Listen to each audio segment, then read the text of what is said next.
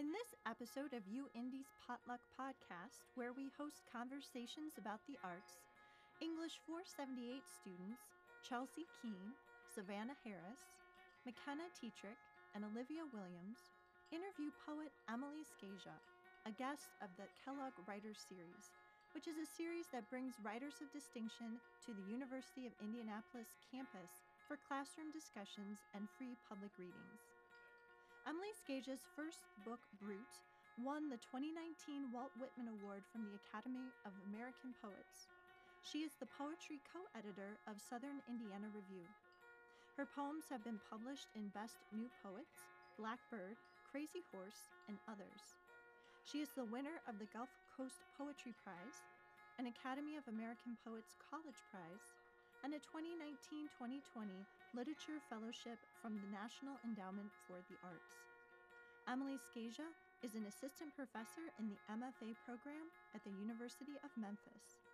We hope you enjoy this episode of UIndy's Potluck Podcast. Hello, literature lovers, and welcome to the UIndy Potluck Podcast. Today we are joined with poet and professor Emily Skaja.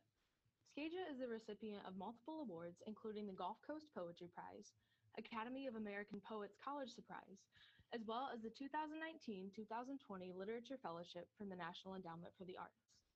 Her work has been featured in Best New Poets, Blackbird, The New York Times, and others.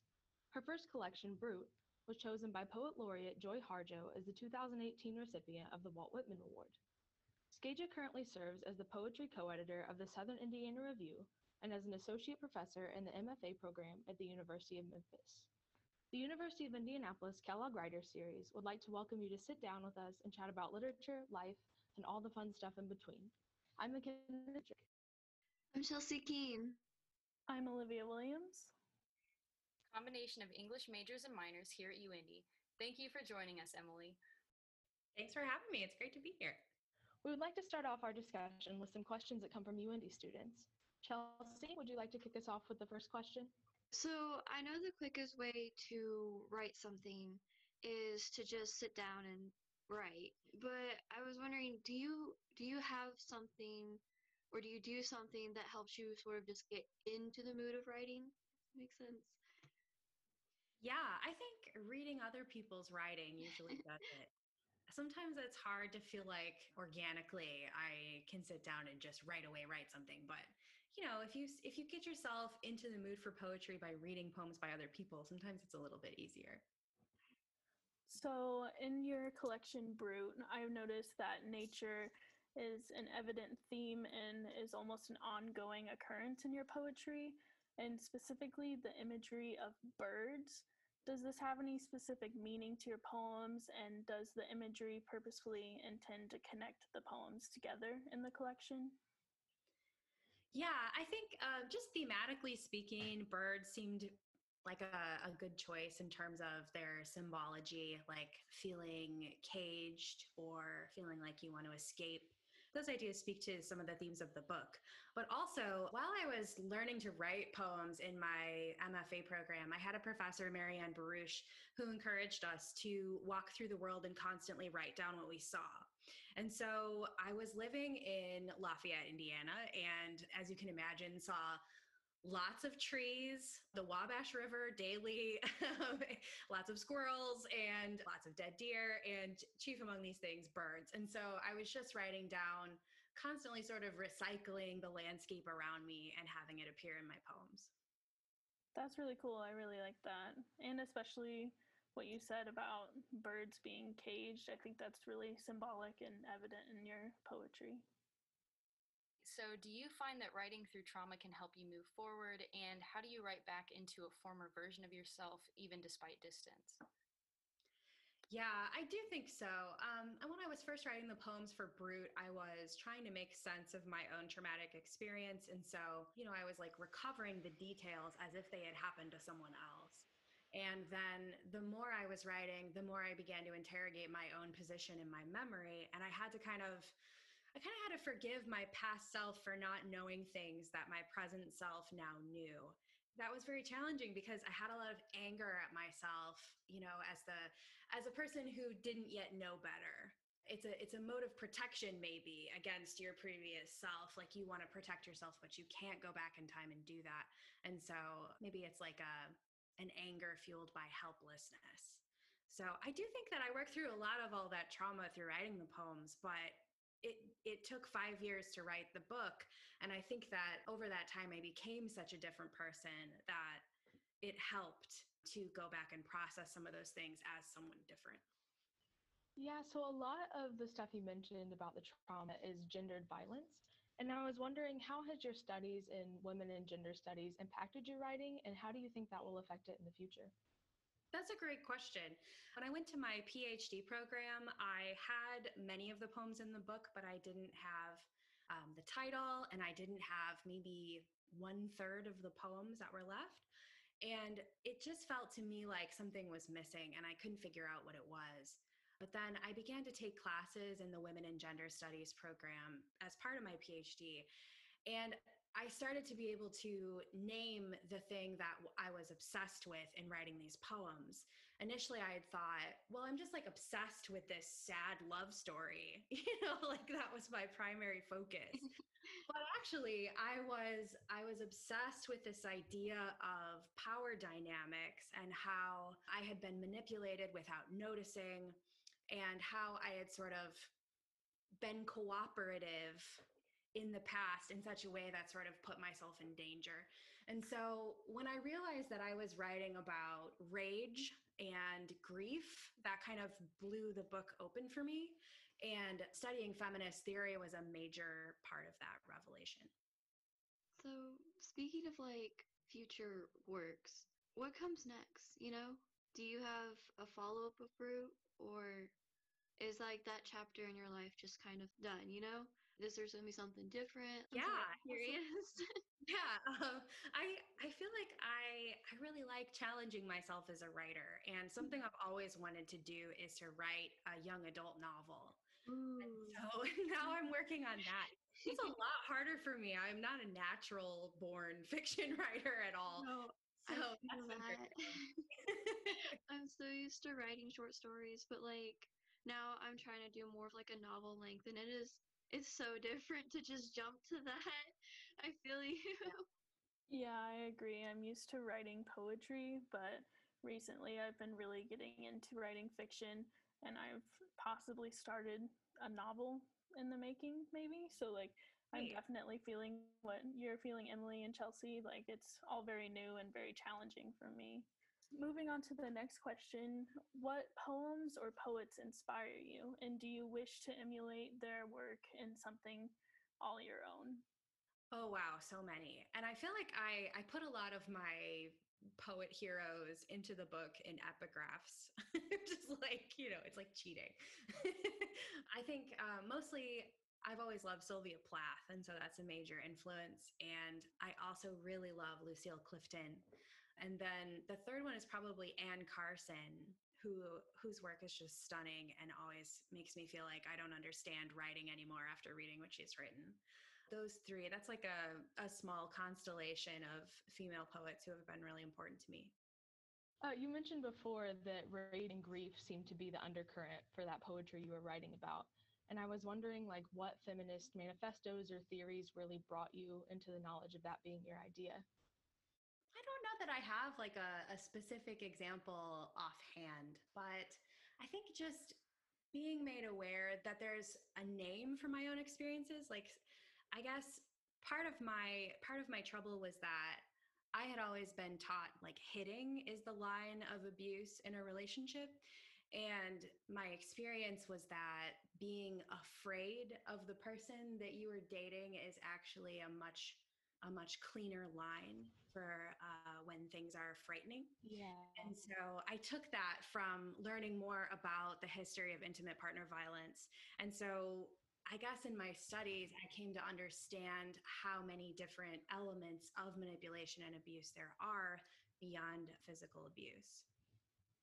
All right. So this next question is one that I always try to ask. You know, I'm always trying to think of myself and I try to get from as many people as possible. So what advice do you have for writers who want to tell their own stories? One thing that I would say is that you have to be the one who gives yourself permission to pursue writing because nobody is going to invite you to the table for a lot of things. And so you kind of have to invite yourself. But I guess I would say just having faith in yourself and in what you're doing.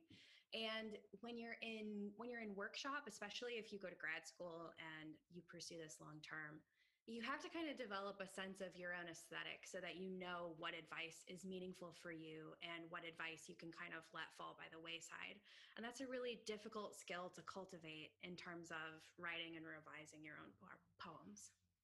So, I had a question about you picking the art for the cover of Brute. I think I remember, like, I looked up the artist and I remember a story behind that. Did you want to share about that? Yeah. Um, so, I mean, I can't take credit for the cover. This amazing cover was designed by Mary Austin Speaker, and the image is by Walton Ford. It's an image of a wolf with a hand reaching into the wolf's mouth. Like, it's just the head of the wolf that's on the front of the book, but the rest of the painting shows another set of hands tying a rope around the foot of the wolf.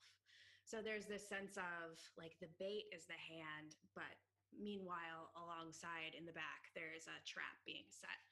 And I thought that that really spoke to some of the themes from my book, which is, you know, sort of like radically reconsidering uh, the ways that, you know, in my own history, I have experience with brutality, but also ways that I have been brutal to myself. And so I was really interested in this idea of the trap being set.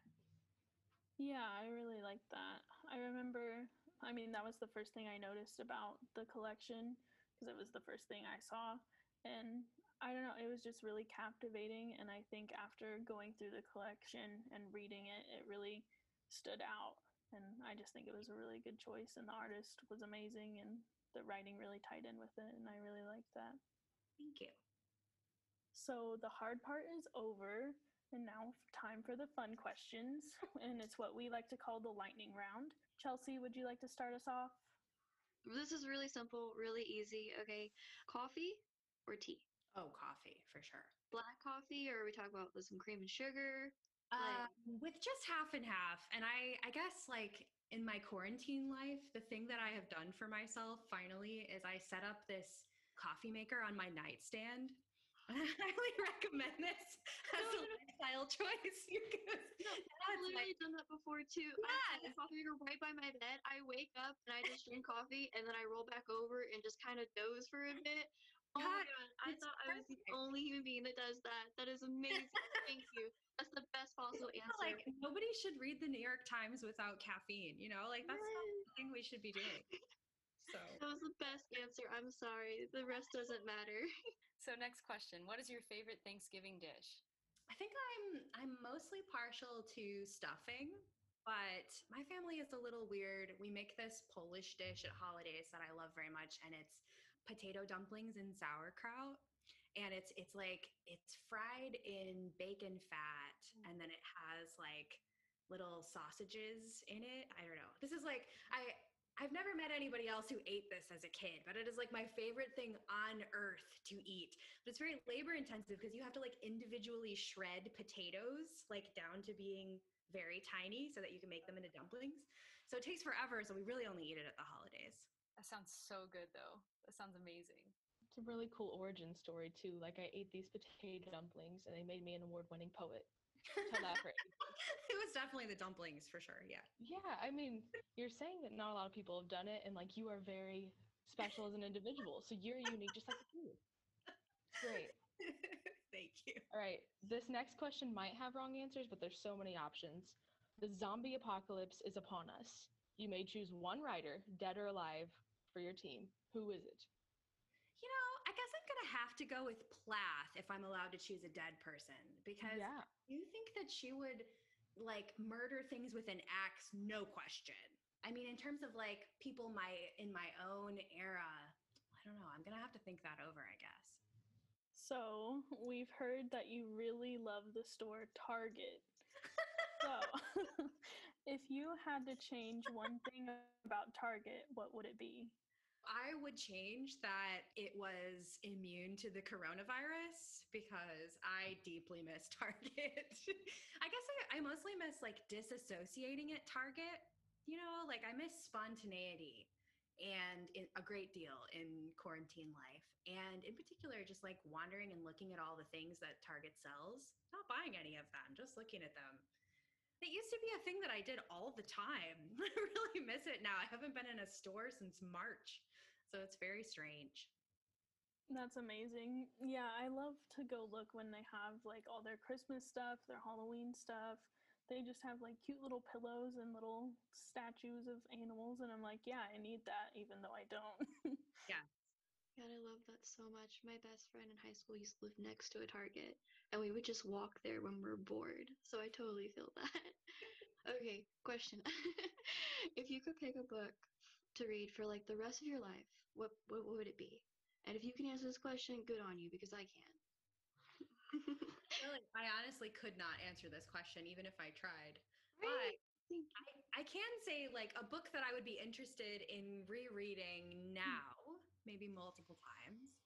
I really love the writer Naomi Novik, who writes fantasy.